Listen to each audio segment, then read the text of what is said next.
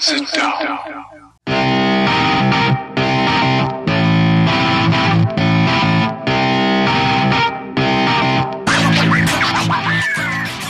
Witam wszystkich i każdego z osobna. Ja jestem Robert Kochan, a to jest Kochana NBA, najbardziej nieobiektywny podcast o najlepszej koszykarskiej lidze świata. To już 83 odcinek, a razem ze mną jak zwykle jest tutaj Wiaro. Siema Wiaro, co tam słychać u ciebie w ten piąteczek? Siema Robert, cześć wszystkim. E, no upalny piąteczek u mnie, słoneczko przygrzewa, ale ja generalnie ze słoneczkiem czy też słoneczkami e, to generalnie mam do pogadania w tym podcaście, więc może miejmy te uprzejmości za sobą i skupmy się na tym, co się dzieje, bo ja naprawdę chyba mam coś do powiedzenia tym razem, tak, czy też muszę coś powiedzieć tym razem. A możesz chwilkę poczekać, czy chcesz to już wyrzucić teraz od razu na początku? Nie, myślę, że mogę poczekać, już czekałem tyle czasu, to, to i poczekam jeszcze chwilę. E, No dobra, no to słuchaj, to, to może w takim razie e, pozostaniemy jeszcze chwilę w niepewności i zaczniemy od troszkę innych tematów niż te słoneczka. Taka ciekawa wieść się wydarzyła ostatniego tygodnia. E, Dowiedzieliśmy się właśnie, kto jest MVP, no i, i to MVP zostało doręczone, tak, dostarczone do Serbii, do Nikoli. Odebrał je schodząc prosto z rydwanu swojego konnego, którym przyjechał w koszulce i w kasku. Wszyscy go tam uściskali, obcałowali i gratulowali mu e, wszyscy członkowie rodziny, bo te, ta kula MVP, ta statuetka powędrowała właśnie do Serbii na rancho. No i w końcu wszystko, wszystko wiadomo. MVP w rękach Serba. Tak, e, gruby po raz drugi MVP. No, miód na moje serce. To jest akurat y, fantastyczna dla każdego kibica Nuggets chyba informacja. E, Nie będę ukrywał, że to jest, był bardzo zacięty wyścig i jakby tutaj był inny wygrany, to pewnie no nikt, nikt by tutaj nie miał cienia zarzutu, że tak czy inaczej powędrowała ta statuetka w kogoś godnego. No ale ja oczywiście jako kibic Nuggets, no to strasznie się cieszę, że Jokic zdobył to MVP. Sama ceremonia wręczenia statuetki MVP była chyba najmniej oficjalną ceremonią, jaką można sobie wyobrazić. Odbyło się to totalnie lightowo, zupełnie tak jakby, nie wiem, Coach Malone przywiózł po prostu ze sobą czteropak na grilla, e, a nie statuetkę dla najcenniejszego e, gracza e, sezonu zasadniczego ligi, najlepszej koszykarskiej ligi świata. No bardzo to są swojskie klimaty tam u Jokicia w, jego rodzinnym Sombor bodaj, o ile się nie mylę. Mm, Także, no słuchaj, no, ja- jak mówię, no ja się bardzo cieszę, no jak chyba każdy kibic Nuggets, trzymałem bardzo mocno kciuki za Jokicia, e, no i bardzo się cieszę, że to wygrał, e, ale zapewne zapytasz mnie też, czy to jest takie super sprawiedliwe i, i pewnie będziesz miał coś do powiedzenia na temat innych kandydatów do tej statuetki. No nie wiem, po czym wynosisz, e, dlaczego tak akurat myślisz. Na pewno chciałbym powiedzieć o tym, że no teraz e, przed Jokiciem kolejny krok, podpisanie tego największego chyba kontraktu w historii NBA, jeśli się nie mylę, 260 milionów za 5 lat. Jakoś tak to chyba będzie wyglądać, 59 milionów w tym ostatnim, piątym roku, więc e, Jokic solidnie sobie zapracował e, na ten kontrakt, który dostanie. To będą ogromne pieniądze, już trzeci taki duży kontrakt, który Nuggets podpiszą, tak? To znaczy, że już macie skompletowaną drużynę. Ta wasza wielka trójka z, z Murejem i z Dziurorem to jest to, czego się możemy spodziewać przez te lata. No a jakiś pewnie podpisze, zresztą on zapowiedział, że podpisze to jak najszybciej się da, bez jakiegoś tam większego mrugnięcia okiem, więc możemy się tego na pewno spodziewać już niedługo. No z drugiej strony chciałbym też jednak zauważyć, że to już jest drugi sezon, kiedy Jokic odbiera tę statuetkę na rancho, nie na parkiecie NBA przed swoją publicznością, kiedy zbliżają się, czy są w perspektywie na przykład finały konferencji, tylko właśnie na rancho, kiedy schodzisz z konia, kiedy masz już opaleniznę odrobinę letnią właśnie, kiedy dookoła bracia i koledzy, no to na pewno, przynajmniej w mojej głowie, jeżeli chodzi o Jokicia, to, to pozostawia niedosyt, bo ja zdaję sobie sprawę oczywiście z tego, z kim on gra i to jakby nie chcę mu nic y, ujmować, bo no, gra niesamowitą, niesamowitą koszykówkę. Natomiast no, mówi się, że, że nie, ma, nie ma partnerów, którzy mogliby mu, by mu w tym pomóc. No z drugiej strony, jak popatrzysz na, nie wiem, takiego Lukę, no to też tam wielu partnerów nie ma, a no właśnie, będziemy gadać o Sans y, pewnie dziś, więc odrobinę y, niedosyt, jeżeli chodzi o Jokicia. No jest jeszcze druga strona tego medalu, ona polega mniej więcej na tym, że ja siedząc y, tutaj i rozmawiając z tobą, popijam sobie napój mistrzów, y, pół na pół, Sprite'a z lemoniadą jeden fan mnie tego nauczył, kiedy, kiedy rzucił 50 punktów e, w finale e, w poprzednim sezonie. I ten pan nic nie stracił na jakości, i właśnie jego możemy obserwować ciągle w tych playoffach i nie przestaje zachwycać. I to był niesamowicie wyrównany wyścig, e, jeżeli chodzi o MVP. Poprawnym politycznie stwierdzeniem jest, że kogokolwiek by tutaj nie, nie wybrać, to, to znajdą się argumenty właśnie na tą osobę i że każdy z tej trójki jak najbardziej zasłużył. Ale im bardziej te playoffy oglądam, tym to moje serduszko jednak w stronę Janisa coraz, coraz głośniej coraz mocniej bije jednak mimo wszystko, nawet jeżeli o to MVP chodzi. Nie, no to wiesz, ja się z tobą zgadzam pod prawie ze wszystkim, co powiedziałeś. Ja jestem. Ciężko znaleźć większego fana Janisa niż ja, nie? Więc ja tutaj absolutnie nie uważam, że Jokic jakoś zdeklasował Janisa. Janis y, jest zawodnikiem w moich oczach lepszym od Jokicia, tak? Jeżeli ja bym ustawiał sobie drabinkę tak po prostu niezależnie od, od wszystkich czynników, kogo masz w drużynie i tak dalej, e, no to jednak no, Janis jest monstrum po obu stronach parkietu, tak? Jokic jest monstrum tylko po jednej stronie parkietu. W defensywie może nie jest czarną dziurą już w tym momencie, ale no ciężko wskazać na Jokicia jako jakiegoś wybitnego obrońcę, tak? A Janis jest jakby nie było jeszcze... Ja mówiłem, że Janis może zgarnąć e, wszystkie statuetki w tym roku, tak? No bo to jest jakby nie było kandydat każdego sezonu też do tego, żeby zostać Defensive Player of the Year. Więc y, się z niczym się absolutnie nie kłócę. Natomiast y, playoffy nie mają jakby nic do tego, moim zdaniem. Nie? Playoffy mają swoje osobne MVP, które zgarnie najlepszy, najlepiej grający zawodnik w playoffach. No i jakby nie było, też trzeba wziąć pod uwagę to, że żeby coś ugrać w playoffach, to jednak nie tylko musisz mieć przyzwoitą drużynę, ale też w przypadkach takich, kiedy nie masz przyzwoitej drużyny, jak choćby Luka, y, no to ta drużyna musi grać nieźle, musi wspiąć się na wyżyny swoich możliwości, żebyś mógł coś powygrywać, tak? Bo z tak beznadziejnym, beznadziejnie grającymi e, Nuggets, jak, jak, jak obserwowaliśmy ich w playoffach w tym roku, no to co ten biedny Jokic miał zrobić? No robił co mógł i to niestety nie wystarczyło. Ciężko oczekiwać. On grał na maksa swoich możliwości, to są, to jest to, czego się jakby, do czego cię przyzwyczaił, co ci pokazał, że taką, tak, taki greatness ci może dać, tak? Może ci dać te 40 punktów, może ci dać te 15 zbiórek, może ci dać te, te, te w okolicach 10 asyst i przyzwoity defense do tego. No ale więcej to już ciężko od Jokicia wymagać, żeby, żeby co, co ma po 60 punktów robić i takie, i takie statystyki do tego, żeby Nuggets musieli wygrywać, to już bez przesady, tak? To y, jednak jakby nie było, Nuggets po prostu zagrali bardzo słabo, więc ja tutaj nie obwiniam o tej Jokicia, jakiś tutaj moim zdaniem w niczym nie, Jokic już wielokrotnie w playoffach udowodnił, że jego gra się przekłada na wygrywanie w playoffach, jak masz zawodników dobrych wokół niego, to naprawdę nieźle mu idzie. No a jak, jak nie ma swoich, swoich dwóch najlepszych gości jeszcze obok siebie, a dodatkowo cała reszta drużyny gra padakę, no to czego tu też od niego wymagać? Natomiast pod wszystkim, co mówisz na temat Janisa, się zgadzam, podpisuję się i ja też nie uważam, że Jokic jest najlepszym zawodnikiem w lidze. Miał najlepszy sezon, a jeden z. I ja się bardzo cieszę jako kibic Nuggets, że akurat jemu ta statuetka przypadła. Jakby była taka sama sytuacja z Kawajem Leonardem czy z Polem George'em, to pewnie byś czuł dokładnie w ten sam sposób co ja, niezależnie od tego, czy, czy jeżeli, jeżeli byłaby też taka sytuacja, że masz trzech godnych kandydatów tak naprawdę. Tak jest, jest, e, czy też było trzech godnych kandydatów, tak? No bo myślę, że na każdego z tych e, trzech graczy można było spokojnie znaleźć takie argumenty, które sprawiłyby, że, że to właśnie on. Mówi się, że tutaj o zwycięstwie Jokicia, czyli o, o największej ilości głosów, które otrzymał, przeważyło e, tutaj jakby takie pojęcie analityczne, czy też podejście analityczne, mianowicie zaawansowane właśnie statystyki, które Jokic miał no, fenomenalne, można powiedzieć wręcz historyczne pod względem właśnie takich zaawansowanych metryk. Ten jego sezon był jednym z najlepszych sezonów wszechczasów, tak? Te wszystkie PR i tak dalej, i tak dalej. Ja to jakby absolutnie wszystko rozumiem i też się cieszę razem z tobą, bo, bo fajnie, że, że Jokic e, tę nagrodę wygrał. No zasłużył tak jak każdy z tej trójki. Natomiast właśnie jak patrzę na, na, na, tego Janisa, no to ciągle, ciągle sobie jakby przypominam i ja mam wrażenie, że to jest najlepszy po prostu w tym momencie koszykarz e, w całym NBA i, i wiesz, jak to się zawsze mówiło, że no różni ludzie tam MVP wygrywają i tak jest LeBron tym najlepszym graczem. Myślę, że myślę, że po prostu tak Janis teraz takim jest. No jeszcze chciałem szybko gdzieś tam nawiązać do tego, że powiedziałeś, że Janis mógłby wszystkie tutaj statuetki zgarnąć w tym sezonie. Może się okazać, że nie zgarnie żadnej, bo póki co go wszystkie omijają ani e, najlepszego strzelca, ani MVP. E, może się okazać, że, że mistrzostwa też nie będzie, Defensive Player of the Year też nie wygrał.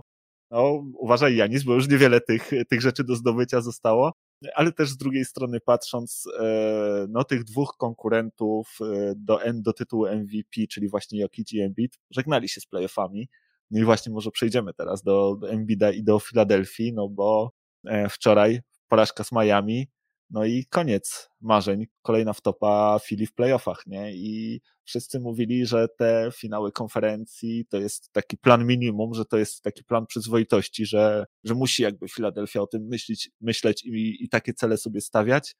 No i nie udało się ich osiągnąć. No i pewnie e, można, można szukać e, powolutku winnych e, tego i, i pewnie o tym też sobie Znam za chwilkę. Jednego. O tym sobie za chwilkę e, porozmawiamy. Natomiast e, ja chciałbym Cię zapytać, właśnie, jak to oceniasz z takiego punktu bardziej makro? Czy Twoim zdaniem ta seria bardziej świadczy o Miami i o tym, jakie Miami jest mocne, czy jednak bardziej o Filadelfii i tym, jak bardzo Filadelfię niektórzy przecenili i jak ta Filadelfia właśnie mocna nie jest? Wiesz co, ani jedno chyba, ani drugie. Mnie się wydaje, że ta seria pokazuje to, o czym tak naprawdę wielokrotnie rozmawialiśmy i zwracaliśmy to, na to uwagę, że okej, okay, Filadelfia zalicza się do miana faworytów na wschodzie, e, ale zawsze mówiliśmy, że, że jest raczej najsłabszym z tych faworytów. E, I też zawsze wskazywaliśmy na to, że Miami to nie jest jakaś tam byle jaka drużyna, tak? Natomiast czy oni są jakoś super mocni, dlatego że pokonali Filadelfię, albo czy Filadelfia jest super słaba, dlatego że, że przegrała z Miami? Nie wydaje mi się. No to były dwie w miarę, w miarę. To są dwie dobre drużyny, które nie odstają jakoś strasznie od siebie. Nie, nie, nie jest tak, że tutaj któraś drużyna jest jakoś wielce lepsza od tej drugiej. No i grały w miarę wyrównaną serię ze sobą. No tylko, że w jednej drużynie wszyscy grali i byli chętni do grania i mało tego, że byli chętni do grania, to jeszcze wspinali się na wyżyny swoich, swoich możliwości, a w drugiej drużynie było różnie. Byli tacy koledzy, którzy byli pewnie bardziej zainteresowani wyskoczeniem do klubu wieczorem niż, niż tym, że jest mecz do wygrania. E, także nie, nie, ja tego nie widzę aż tak jak ty, że takie jakieś ostre decyzje od razu należy podejmować. E, no, takiej formie Philadelphia z tak grającym Jamesem Hardenem, no to jest lipa. No to jest wiadomo, że tutaj się mocno zawiedliśmy, tak? Ale z drugiej strony, e, czy, czy, czy Miami też jakoś wielce udowodniło, że jest drużyną, która idzie po mistrza?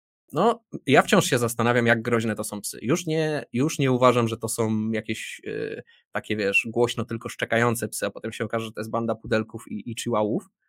Myślę, że to są na pewno, na pewno groźne psy, ale czy to są same Dobermany i Rottweilery? Tego jeszcze nie wiem. Myślę, że to dopiero tak naprawdę wyjdzie w, finałach konferencji i wtedy będziemy mogli mówić o tym, że, że ta drużyna jest naprawdę taka z prawdziwego zdarzenia. No nie wiem, no, ja nie odniosłem wrażenia, że to jest jakiś behemoth oglądając tą serię, tak? No ja mam właśnie bardzo podobne spostrzeżenia i też ciągle nie mogę ocenić tej siły Miami. Czy, czy może oni rzeczywiście tak, wiesz, to jest, to jest ten ich styl, tak, że oni wysysają życie po prostu z innych drużyn i są na tyle solidni, że potrafią dowieść e, te zwycięstwa. A z drugiej strony po... Max Struz i Vincent grają jak, jak, jak z innej bajki w ogóle w, takich meczach, nie? Wiesz, czy, czy to jednak jest tak, że, że mimo wszystko e, słabość oponentów, tak? Że, że Atlanta to był najsłabszy zespół, e, jaki grał w tych playoffach. Tak mi się przynajmniej wydaje, że, że ta Filadelfia też ma swoje ogromne problemy, tak? I to no niemalże na każdym kroku.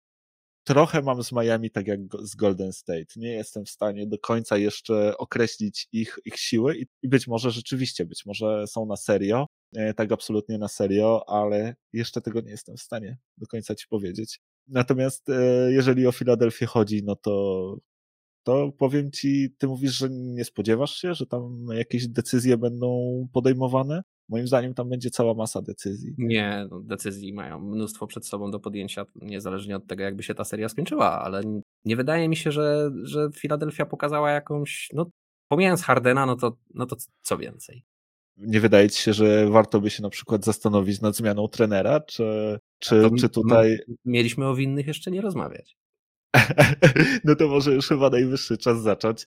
E, gdzieś tam e, te, te winy zacząć rozdawać, bo, e, no bo jednak nie udało się osiągnąć tych celów, które, które były założone przed tym zespołem i wydaje mi się, że żaden fan Filadelfii nie czuje się jakoś specjalnie usatysfakcjonowany wynikami tej drużyny, no bo w sumie nie ma za bardzo czym. Tak naprawdę nie jest łatwo szukać tych pozytywów wiadomo, co potrafi Embiid, natomiast no, Embiid nie był zdrowy w tej serii i można powiedzieć, że był troszkę cieniem samego siebie, nie dominował e, aż tak bardzo, jak potrafił to robić e, wcześniej. Oczywiście umiejętna obrona Miami utrudniała mu życie, no ale Embiidowi Często żadna obrona nie jest w stanie na tyle utrudnić życia, żeby, żeby nie był w stanie zdominować meczu, a jednak, e, no słuchaj, na pewno bardzo chciał wrócić do, do, do gry po tej kontuzji, chciał e, jak najszybciej pomóc zespołowi, no ale wydaje mi się, że, że widać i czuć tutaj, no, że do końca jednak zdrowy nie był. No ale jego akurat chyba najtrudniej za to wszystko winić. Kto jest głównym winowajcą? James? Doc? Kiepska atmosfera w drużynie? No, wymieniłeś dwóch podstawowych i moim zdaniem dwóch głównych y, winowajców w całej tej sytuacji, bo ja do Embida to mam niewielkie pretensje. No, Embid naprawdę robił co, co mógł, był skopany od stóp do głów w masce i, i, no i grał i, i robił, robił co się dało, co było w jego możliwościach, żeby spróbować to wygrać. Natomiast tak, James Harden to jest super gwiazda, to nie jest jakaś tam gwiazda, to jest były MVP, wielokrotny król strzelców ligi, król asyst ligi, to jest jeden z najlepszych zawodników, jeden z top 75 najlepszych zawodników w historii ligi NBA. I ten pan dał się ograć w tej serii Maxowi Strusowi i Gabe'owi Vincentowi, którzy są undrafted rookies. Yy, szczerze się przyznam, Gabe Vincent pierwsze słyszę, co to jest za gość. O Maxie Strusie słyszałem, ale, ale Gabe Vincent to jest dla mnie znalezisko w tych playoffach. I ci dwaj goście ograli Jamesa Hardena i to srogo go ograli. No to proszę cię, to jest porażka. To jest, ja, ja takiego upadku z, takiej, z tak wysoka, tak nisko, to co zrobił Harden, to, to ja czegoś takiego nie widziałem. A druga sprawa to jest Dog Rivers. Jak się wczoraj oglądało mecz, była czwarta kwarta, e, Miami prowadzi 11 punktami, zaczyna się czwarta kwarta i Dog Rivers motywuje swoją drużynę. I wiesz co im mówi? Że wszystko jest ok, zrelaksujcie się, grajcie your game, poklepał ich trochę po plecach i wypuścił ich na parkiet. No przecież to jest, to jest jakaś żenada, on tam nie jest od takich rzeczy. Chłopaki mają problem, żeby zdobyć jakieś punkty, mają problem, żeby składną akcję zrobić, a, a Doc Rivers z takimi rzeczami wyjeżdża. To, to naprawdę tam nie brakowało motywacji tym chłopakom. No. Maxi naprawdę biegał, jak robił co mógł. Jamesa Hardena nie zmotywujesz takim głupim gadaniem, jego trzeba zmotywować gadaniem zupełnie innym, że nie wiem, e, jak wygramy ten mecz w 15 minut, to jeszcze zdążymy na samolot do Miami albo coś w ten deseń. No w każdym razie nie, nie takim klepaniem po plecach, no nie na Jamesa Hardena. A reszta drużyny wydaje mi się, że wcale nie potrzebowała jakiejś takiej motywacji na zasadzie relax and play your game. Co to w ogóle znaczy? To jest, to jest dobre w filmach. Także nie, ja jestem po prostu Doc Rivers dla mnie to jest porażka w tych, w tych, w tych playoffach, tym, szczególnie w tym, w tym decydującym tak naprawdę meczu. No, no nie, nie spodziewałem się, że tak po prostu się to skończy. E, słabo się e, pokazała Filadelfia pod tym, pod tym kątem. To są moim zdaniem dwa główne powody takiego upadku Filadelfii w e, tych playoffach. No i jeżeli mamy rozmawiać o jakichś zmianach, no to jeżeli to, to, tylko tutaj, tak? Cała reszta drużyny, moim zdaniem, tam nie można mieć wielkich pretensji. No może Tobias Harris, który nie jest zawodnikiem, który powinien takie pieniądze zarabiać, ale to wiemy nie od wczoraj, tak? To też jest nic nowego. To, to, to już od dawna to powtarzamy. Także to nie jest żadna nowa decyzja. Natomiast Harden i Doc Rivers, no Doc Rivers to jest dla mnie prosta decyzja. Natomiast to zrobić z Hardenem, no takiego, takiej zagwozdki nie chciałbym mieć w tym momencie na talerzu. No, to na pewno będzie gruba rozkmina. Ja tutaj może zacznę od Doka i odniosę się gdzieś tam do tego, co powiedziałeś, bo ja akurat Doka miałem przyjemność e, obserwować na ławce trenerskiej Clippersów przez no, kilka ładnych sezonów, więc e, wiem doskonale z czym E, ten trener się wiąże i wiem, że to jest kiepski trener na kiepskie czasy.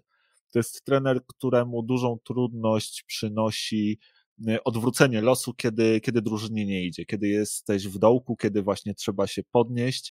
To jest taki trener, z którym fajnie się właśnie te dobre czasy przeżywa, tak? Bo on, bo on tutaj jest jakby dobrym partnerem w tych, w tych dobrych czasach ale właśnie kiedy nie idzie, no to, to już nie wygląda tak, tak dobrze, a wygląda e, coraz gorzej na pewno na gdzieś tam e, tej, tej karierze trenerskiej Doka, tak? Coraz więcej tych, tych wpadek jest i na pewno wiele osób będzie to gdzieś tam brało pod uwagę, e, umiejscawiając go już w tej historycznej drabince, bo, no bo Dok gdzieś tam pod względem ilości zwycięstw rozegranych meczów już już gdzieś tam w tej historycznej trenerskiej drabince zaczyna się pojawiać. Myślę, że, że w tych dyskusjach na pewno to będzie miało e, swoje znaczenie, natomiast no sam Doc, on sobie nie ma kompletnie jakby e, nic do zarzucenia.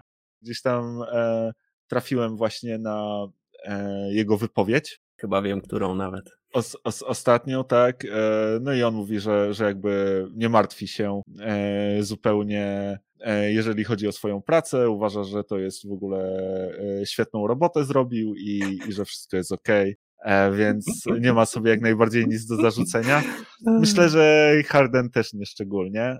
Embiid z tego co słyszałem też nawet Hardenowi za bardzo zarzucać nic nie chce. On wydaje się być na pogodzonego z rzeczywistością. On powiedział, że tutaj jakby wszyscy myśleli, że, że, że tutaj trafi ten Harden jakby z Houston Rockets z tych czasów, jeżeli chodzi o umiejętności, no ale okazało się, że tamtego e, Hardena już, już nie ma, że ten Harden, który jest teraz, jest po prostu bardziej trochę playmakerem, mniej skorerem, no i że, że, że tak to wygląda, więc e, wydaje się, że on też jest e, z tym pogodzony. Zobaczymy, jak pogodzone są władze Filadelfii i Daryl Morey, najlepszy kumpel Jamesa, E, zobaczymy, czy, czy zaoferuje mu tyle, ile, ile James będzie chciał, czy, czy będą tutaj prowadzili negocjacje, bo moim zdaniem zdecydowanie negocjacje prowadzić powinni, po to, żeby tam jeszcze jakąś gwiazdę sprowadzić, bo jeżeli oni myślą rzeczywiście o jakimś mistrzostwie, to będą potrzebowali tego salary capu, e, zwłaszcza, że niedługo, bo bodajże za rok albo za dwa będzie, będzie trzeba zapłacić większe pieniądze Maxiowi, a, a on pewnie troszkę tych pieniędzy dostanie, E, no a jeżeli chodzi o Tobiasa Harrisa, no to on akurat moim zdaniem tych playoffów aż tak nieudanych nie miał. Całkiem nie najgorzej sobie radził był akurat takim stabilnym punktem e, swojej drużyny.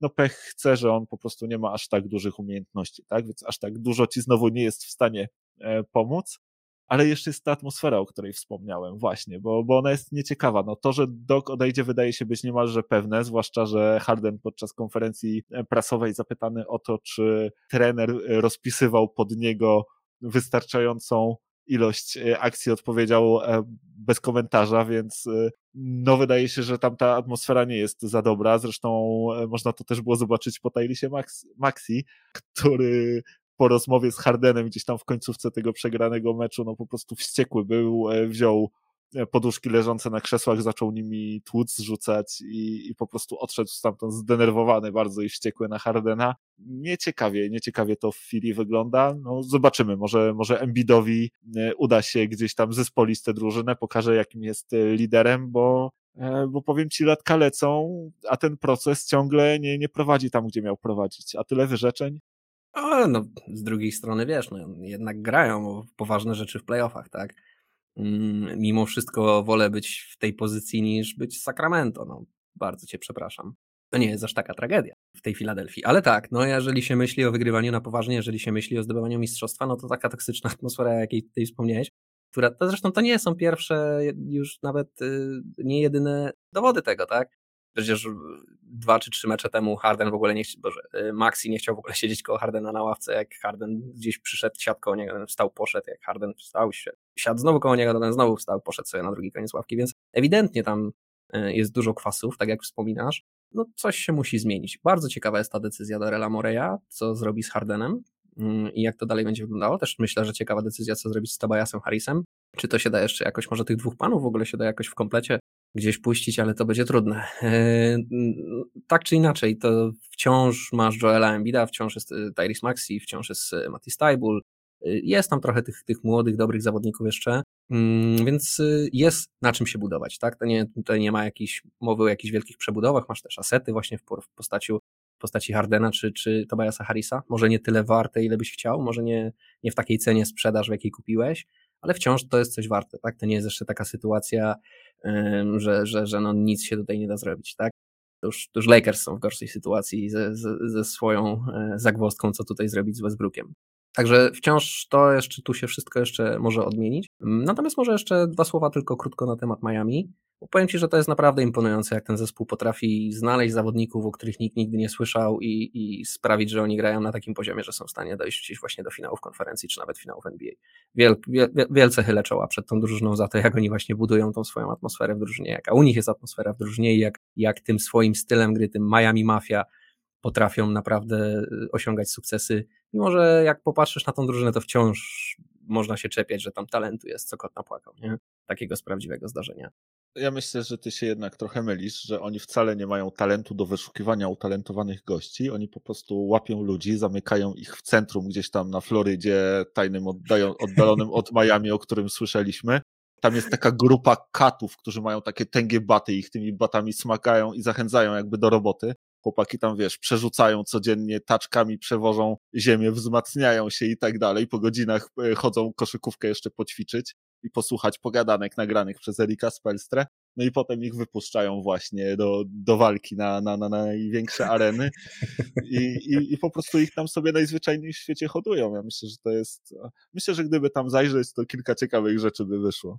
E, tak czy inaczej, szacun, szacun dla Miami, bardzo mi się to podoba. E, dobra, słuchaj, no to może czas e, przejść do, do, do tego, co chciałeś powiedzieć. Tutaj mówiłeś, że jakieś pretensje, tak? Coś o Sans? Słucham, powiedz, Słuchaj, powiedz no coś no bo, więcej. No bo, no bo wiesz, ja już tutaj wspominałem o wyciąganiu mioteł, wspominałem o tym, że ta seria się zakończy no i teraz wychodzi na to, że powinienem przeprosić fanów Mavs, tak? E, no i tak sobie o tym myślałem, ale doszedłem do wniosku, że to nie ja powinienem przepraszać, tylko mnie powinno się przeprosić. A konkretnie Phoenix Suns mnie powinni przeprosić za tą zdradę bezczelną, której się dopuścili. Słuchaj, ile, ile, ile temu to już był bubble, tak? Od kiedy się zaczęła ta Sunsmania i wszyscy powtarzali o tym, jak, jak ta, ta drużyna fantastycznie gra. A ja cały czas miałem jakieś pretensje, tak? Cały czas mówiłem, że coś mi tu śmierdzi, że ta drużyna w jakiś sposób mi wygląda podejrzanie i, i z jakichś powodów nie, mimo że dowody jakby temu przeczą, to oni wcale nie są takim, takim behemotem, jakby się wydawało, że to jednak jest e, wszystko trochę na, na glinianych nogach, tak? No i tak e, gadałem i gadałem o tym, czas mijał, prawie dwa lata się z tego zrobiły, w końcu mówię, no kurde, zaraz goście wygrają pierścień w NBA, będzie głupio się tłumaczyć. No i w końcu się złamałem. Powiedziałem, dobra, no wygląda to po tym, jak zlali Mavsów w dwóch pierwszych meczach i wyglądali jak drużyna, która faktycznie dojdzie do finału w konferencji lekką ręką. W końcu powiedziałem, no dobra, Suns in four. No i co? Jak to tylko powiedziałem, to wszystko wzięło w łeb w momencie, tak? No i się okazuje, że wszystkie te podejrzenia, e, które miałem, wszystkie te smrody, które czułem, wszystko wyszło, tak? I wszystko się okazało być prawdą. No i drużyna złożona z Luki i roleplayerów w najlepszym wypadku, którzy fakt grają naprawdę nieźle i, i, i poprawili bardzo ostro tą swoją defensywę, no to wciąż, no, to jest drużyna złożona z luki i, i, i kolesi, tak? No i, no i zobacz, no i mamy, mamy siódmy mecz, tak? No, wierzyć się nie chcę. Dlatego to, to nie ja powinienem przepraszać tutaj Mavs, bo ja jestem przecież jednym z największych fanów Luki, jakiego można sobie tutaj wyszukać tylko w okolicy bliższej i dalszej. Tylko mnie powinni po prostu Phoenix Suns przeprosić za tą zdradę i za to udawanie, że są nie wiadomo jakim behemotem. A jak to przegrają, no to już w ogóle, proszę cię. To już czuję się kompletnie wtedy usprawiedliwiony. Popatrz, jak ty potrafisz kota ogonem odwrócić. Jeszcze chcesz, żeby cię David Booker tutaj, rozumiem, bo osobiście przyjechać. No raczej, na Twitterze, nie? Na Twitterze, tak, na Twitterze. oznaczyć. No, słuchaj, może, może to zrobisz rzeczywiście, jeżeli, jeżeli odpadną, to, to kto wie. Ja chciałem Ci tylko przypomnieć, że jeszcze nie tak dawno obaj e, tutaj mówiliśmy, że, że Sans to dziki. Zastanawialiśmy się, no okej, okay, być, może, być może towarzyszyły temu jakieś wątpliwości, ale jednak ostatecznie obaj postawiliśmy, że, że to są te dziki właśnie e, na zachodzie. Ja bym na Twoim miejscu nie tracił w nich wiary. Tutaj w tej serii wygrywają zespoły jednak u siebie. Phoenix gra e, ten siódmy mecz E, właśnie na, na, na swoim parkiecie. Wiadomo, w takim jednym meczu już wszystko może się wydarzyć. Natomiast e, coś czuję, że Phoenix tego swojego parkietu nie odda i jednak uda im się wywalczyć zwycięstwo.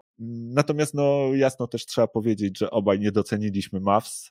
Oczywiście ty bardziej z tym, z tym gościem Suns in For, który pewnie śnić się czasami jeszcze w nocy po tamtym roku i, i, i po tamtym sezonie. Ja też się nie spodziewałem, że aż tak im się e, uda odbić. E, gdzieś tam zostawiałem sobie jakąś taką furtkę, e, że zobaczymy, jak to, jak to będzie u siebie, ale jednak też wydawało mi się, że Phoenix jest, jest dużo mocniejsze i tak wyglądało przynajmniej na początku tej serii. No potem okazało się, że, że jednak w Dallas ci roleplayerzy grają przede wszystkim dużo lepiej, te obręcze są troszkę bardziej znajome i tak dalej. I za każdym razem w zasadzie udaje, udaje im się tam wygrywać i, i zdobywać zwycięstwa. Natomiast ile w tej serii jest złej krwi? Jak te zespoły się wydają? Okej. Okay. W ogóle wydaje się, że Luki Oncicia, bo, bo chyba tak powinniśmy zacząć mówić, bo defensywę Ej, to, cztery to jest... w ostatnim meczu. To nie ma żadnego znaczenia. No to fajna statystyka, cztery stile, a zobacz sobie mecz, e, przecież jak, jak Luka gra i no sorry, czasami się postara i, i coś tam popróbuje, ale ogólnie to jest taką czarną dziurą, że, że, że czasami tylko przeszkadza, bo faul złapie, tak? E, więc e, no okej, okay, cztery style fajnie, ale, ale Luka jest jednak, przynajmniej moim zdaniem, e, oncić i też przy tym jest jaki jest, tak? Ma te swoje zachowanie, którego nie cierpią inni gracze NBA bardzo często i on ma tyle złej krwi z każdym, a z Phoenix to już chyba szczególnie teraz, przynajmniej tak mi się wydaje. To, co oni z Bookerem, ta rywalizacja, jak to się obserwuje, jak oni pyszczą do siebie, jak nawzajem siebie udają i przedrzeźniają, tak, e, wyśmiewają e, wręcz, jak e, próbują sobie zajść za skórę, jak przeklinają jeden, jeden do drugiego, Tutaj akurat Luka ma przewagę, bo nie sądzę, żeby, żeby zdawał sobie Booker sprawę z tych słów, które, które Luka w swoim języku mówi, więc mega, mega ta seria jest taka zacięta i zażarta właśnie pod tym względem e, takiej waleczności i, i, i takiej właśnie złej krwi, która jest między tymi zespołami ogólnie te playoffy są fenomenalne, e, ale jest kilka takich super epickich serii, które po prostu ja chciałbym, żeby się nie kończyły. Nie? To jest jedna z takich serii, które mogą oglądać cały czas. E, no i to, co, widzi, to, co, to, co wspomniałeś, to, co widzimy właśnie w każdym meczu, to ma duże znaczenie jednak, dlatego jak mi się fajnie to ogląda. No, ja lubię, jak drużyny się nie lubią i jak nie boją się sobie tego, tego pokazać i powiedzieć. E, to, co robi Ja, no proszę cię, to w ogóle jak, ja, ja, lubię takie zagrywki, no, ja lubię jak drużyny mają też trochę takiego słagu, tak, trochę takiej pewności siebie, takiego, takiego I don't give a fuck, takiego no, no jest coś w tym. Ja to lubię, mnie się to podoba, e, więc mnie się tą serię ogląda fantastycznie. No i to, co wspomniałeś, no, Luka jest specyficznym zawodnikiem, nie? On może nie jest jakimś strasznym, nie wiem, dirty playerem, czy floperem, czy coś w ten deseń, ale tak, czasem nagina, tak, płacze do tych sędziów, tak.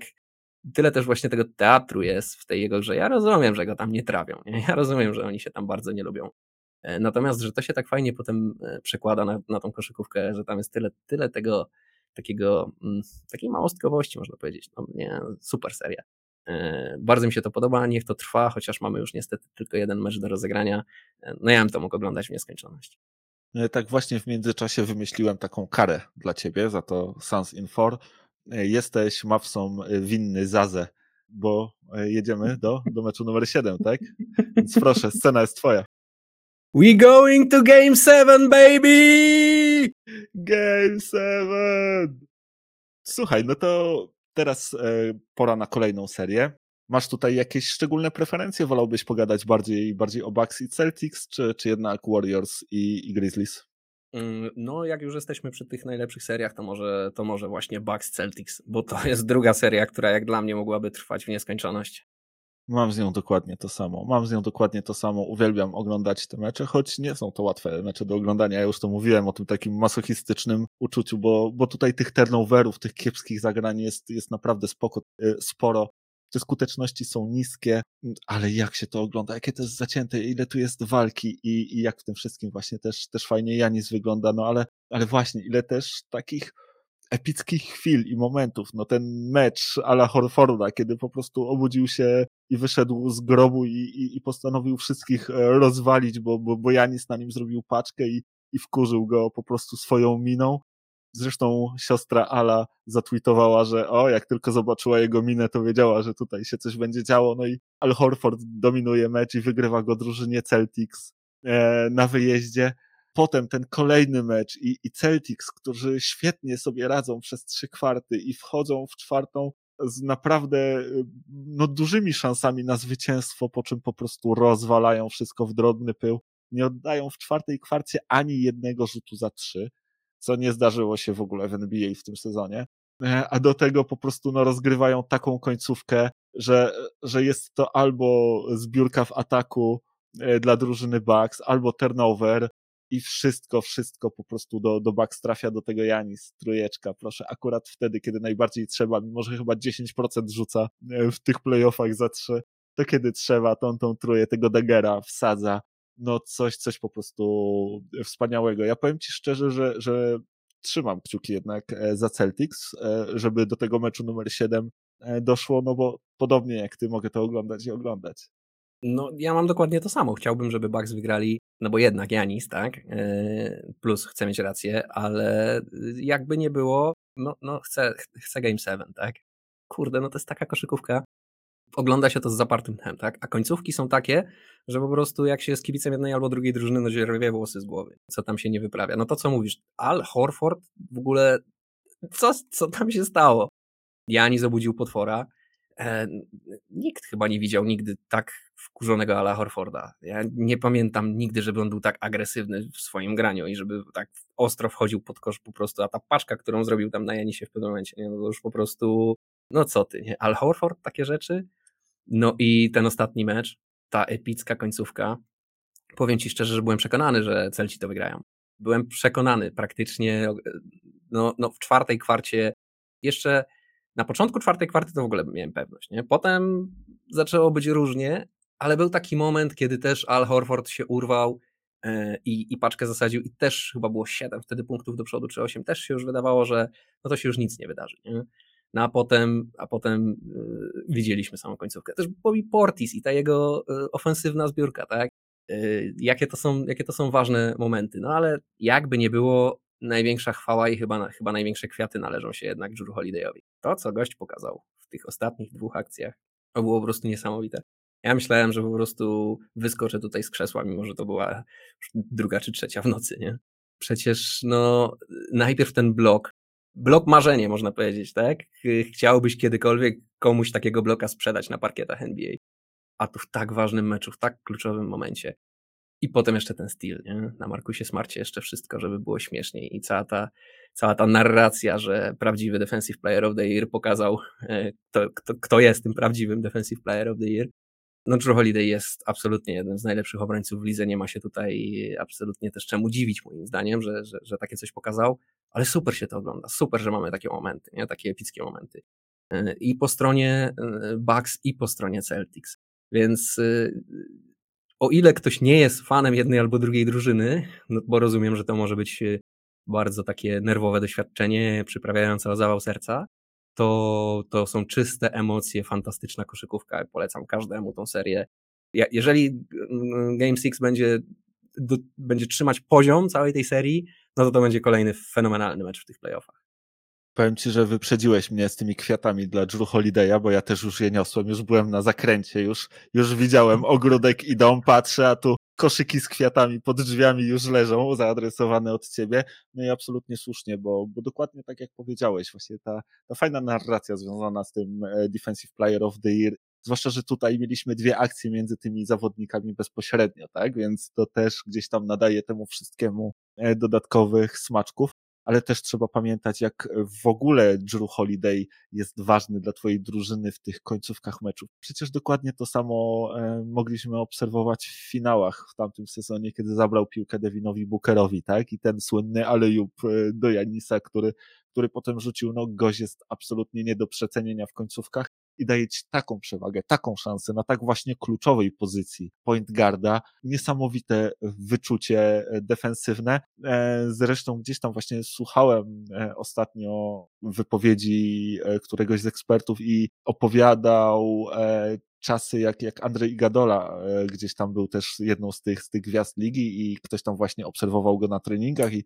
poszedł powiedzieć mu, że, że, że świetnie, świetną robotę Andrzej robi, na co ten zaczął mówić, że aha, słuchaj, poczekaj, jak zobaczysz tutaj Drew Holiday'a, ten to jest dopiero kozak, więc, więc e, Drew ma na pewno też docenienie u innych zawodników. No, no nic dziwnego, jest e, fenomenalny w tym, co robi i bardzo, bardzo e, ważny dla swojej drużyny i chyba tak samo ważny jest dla Milwaukee teraz Bobby Portis, bo no bo rzeczywiście to, co on robi w tej serii, to jest coś wspaniałego. Bardzo dużo jakości wnosi do tego zespołu, bardzo dużo waleczności. To jest ten gość, który akurat e, nigdy nie odstawia jakby niczego, tak? Zawsze, zawsze staje w obronie swoich kolegów z drużyny i naprawdę serce zostawia na tym parkiecie. Swoją drogą też zabawne, bo Bobby opowiadał e, kiedyś właśnie, jak to podobno za swoich młodych lat, kiedy grał w koszykówkę, nie był szczególnie dobry w żadnym elemencie i wtedy mama e, po prostu kazała mu być śmieciarzem, tak zwanym garbage man,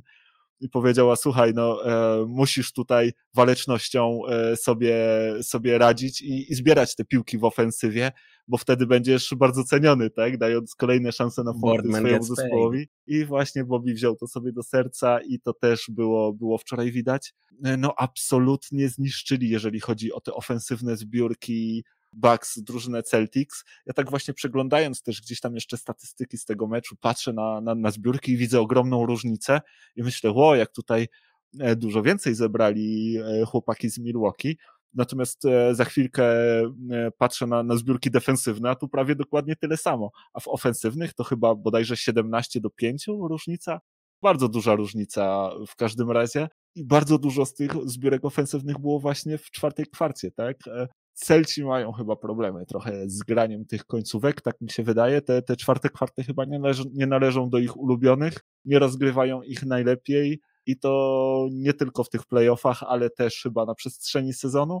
Więc no zobaczymy, zobaczymy. Na pewno będzie im ciężko teraz spod topora uciec. Oddali bardzo, bardzo ważny mecz, ale ja wierzę, wierzę jeszcze, że, że dadzą radę. Wierzę, że ta drużyna będzie w stanie z siebie wykrzesać jeszcze trochę, no i właśnie, że zobaczymy ten, ten wyczekiwany mecz numer 7.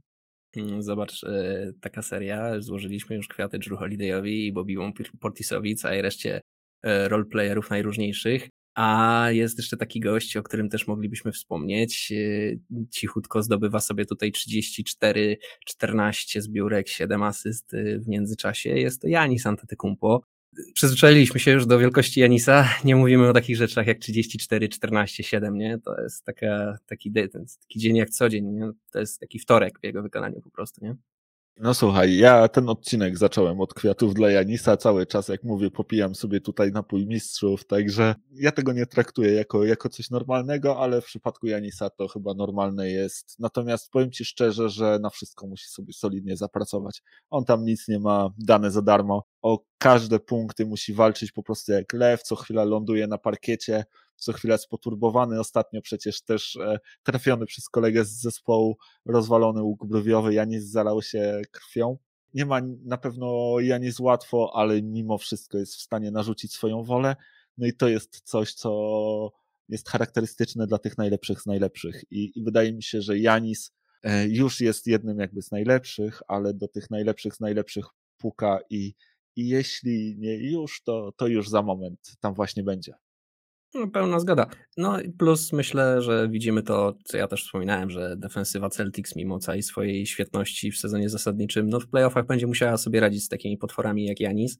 E, no i mimo tego, że utrudniają jak mogą, no to są za mali po prostu, nie? Jakby byli więksi, to być może, być może udałoby się tego Janisa jakoś tak bardziej powstrzymać, pewnie nie całkiem, ale, ale może, może mu mocniej trochę to utrudnić, bo teraz tak jak mówisz, no musi na to pracować, ale wiesz, że on jest pracuś, nie? No jak musi wykonać swoją robotę, to wykona, no i robi to mecz w mecz, nie? Więc yy, tak jak ja, ja się tutaj z tą zgadzam, że to jeżeli nie już, to, to, to na pewno za, za, za chwilę Janis będzie już uważany za jednego z tych największych w historii. Natomiast jeszcze szybciutkie kwiaty dla Celtów, no bo jakby nie było, ja też obstawiam, że będzie Game 7, też obstawiam, że Celci są w stanie jeszcze ten mecz urwać.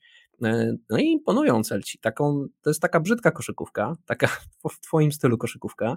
E, wszystko też jest tam wyrwane, można powiedzieć, z gardła. Nie ma tam łatwych rzutów praktycznie w ogóle, nie ma tam jakiejś pięknej koszykówki. Wszystko to się właśnie opiera na różnych takich wybuchach, a to Jalen Brown wybuchnie, a to, a to Tatum wybuchnie, a to Al Horford wybuchnie, a to Smart rzuci 3 z 4 trójek, no na, na tym się to tam opiera.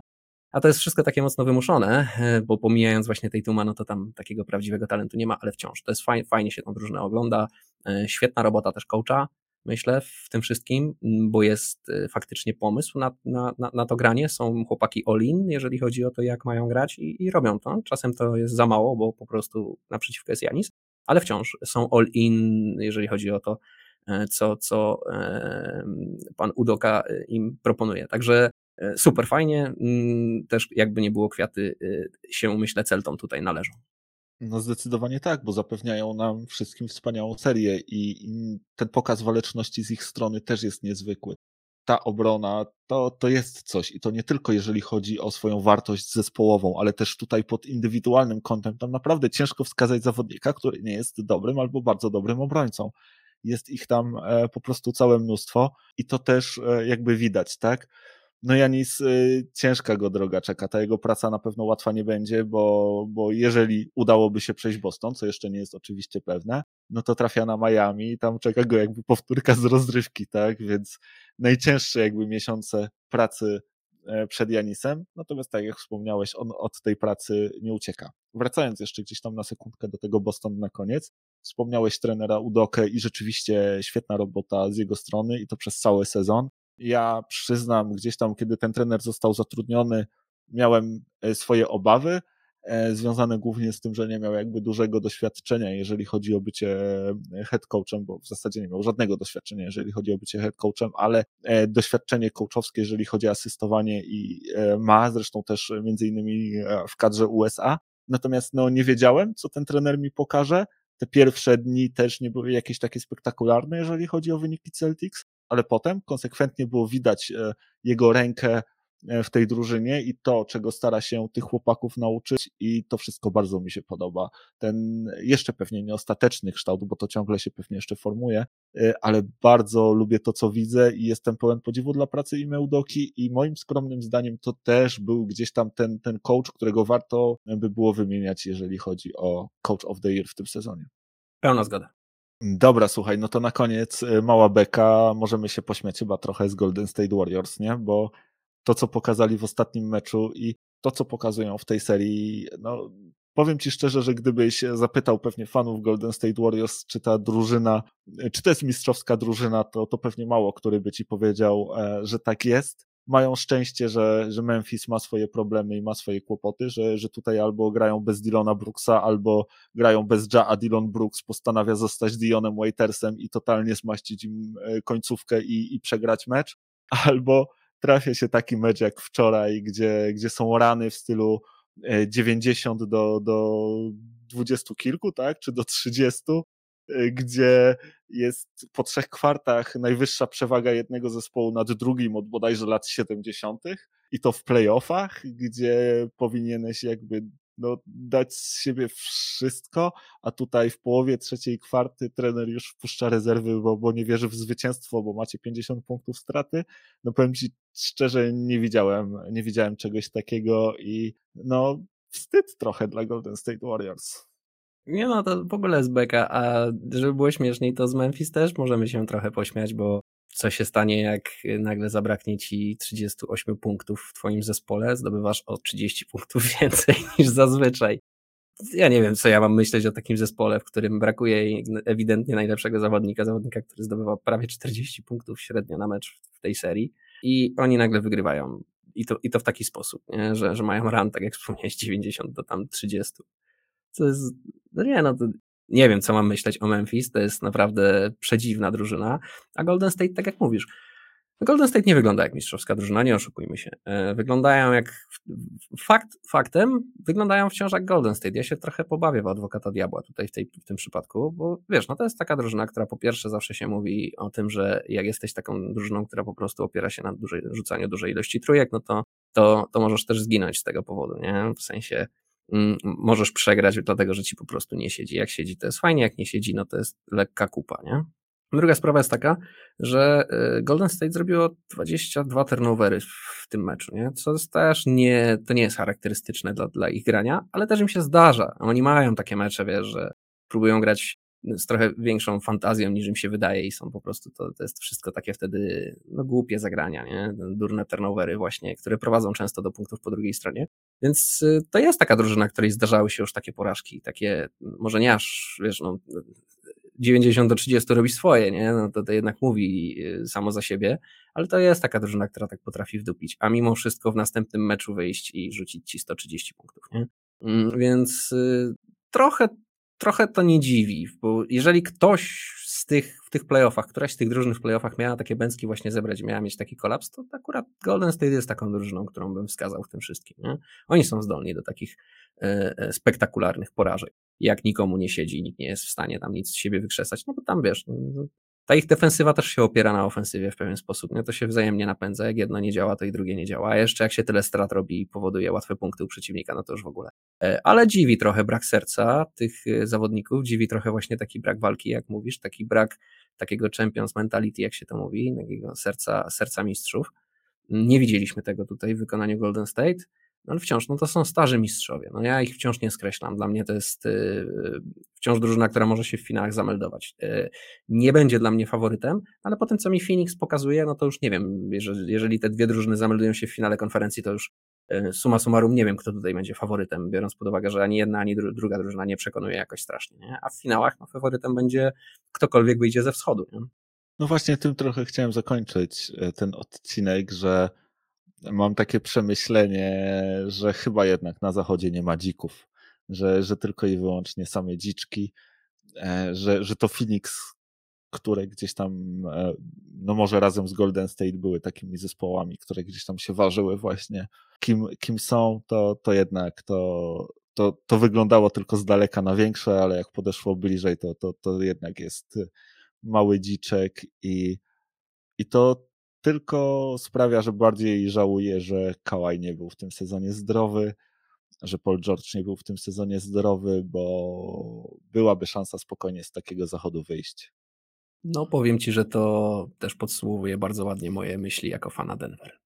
No dobrze, dziękujemy Wam bardzo, że byliście z nami w tym 83 odcinku i oczywiście zapraszamy Was już teraz na kolejny, który pewnie za tydzień.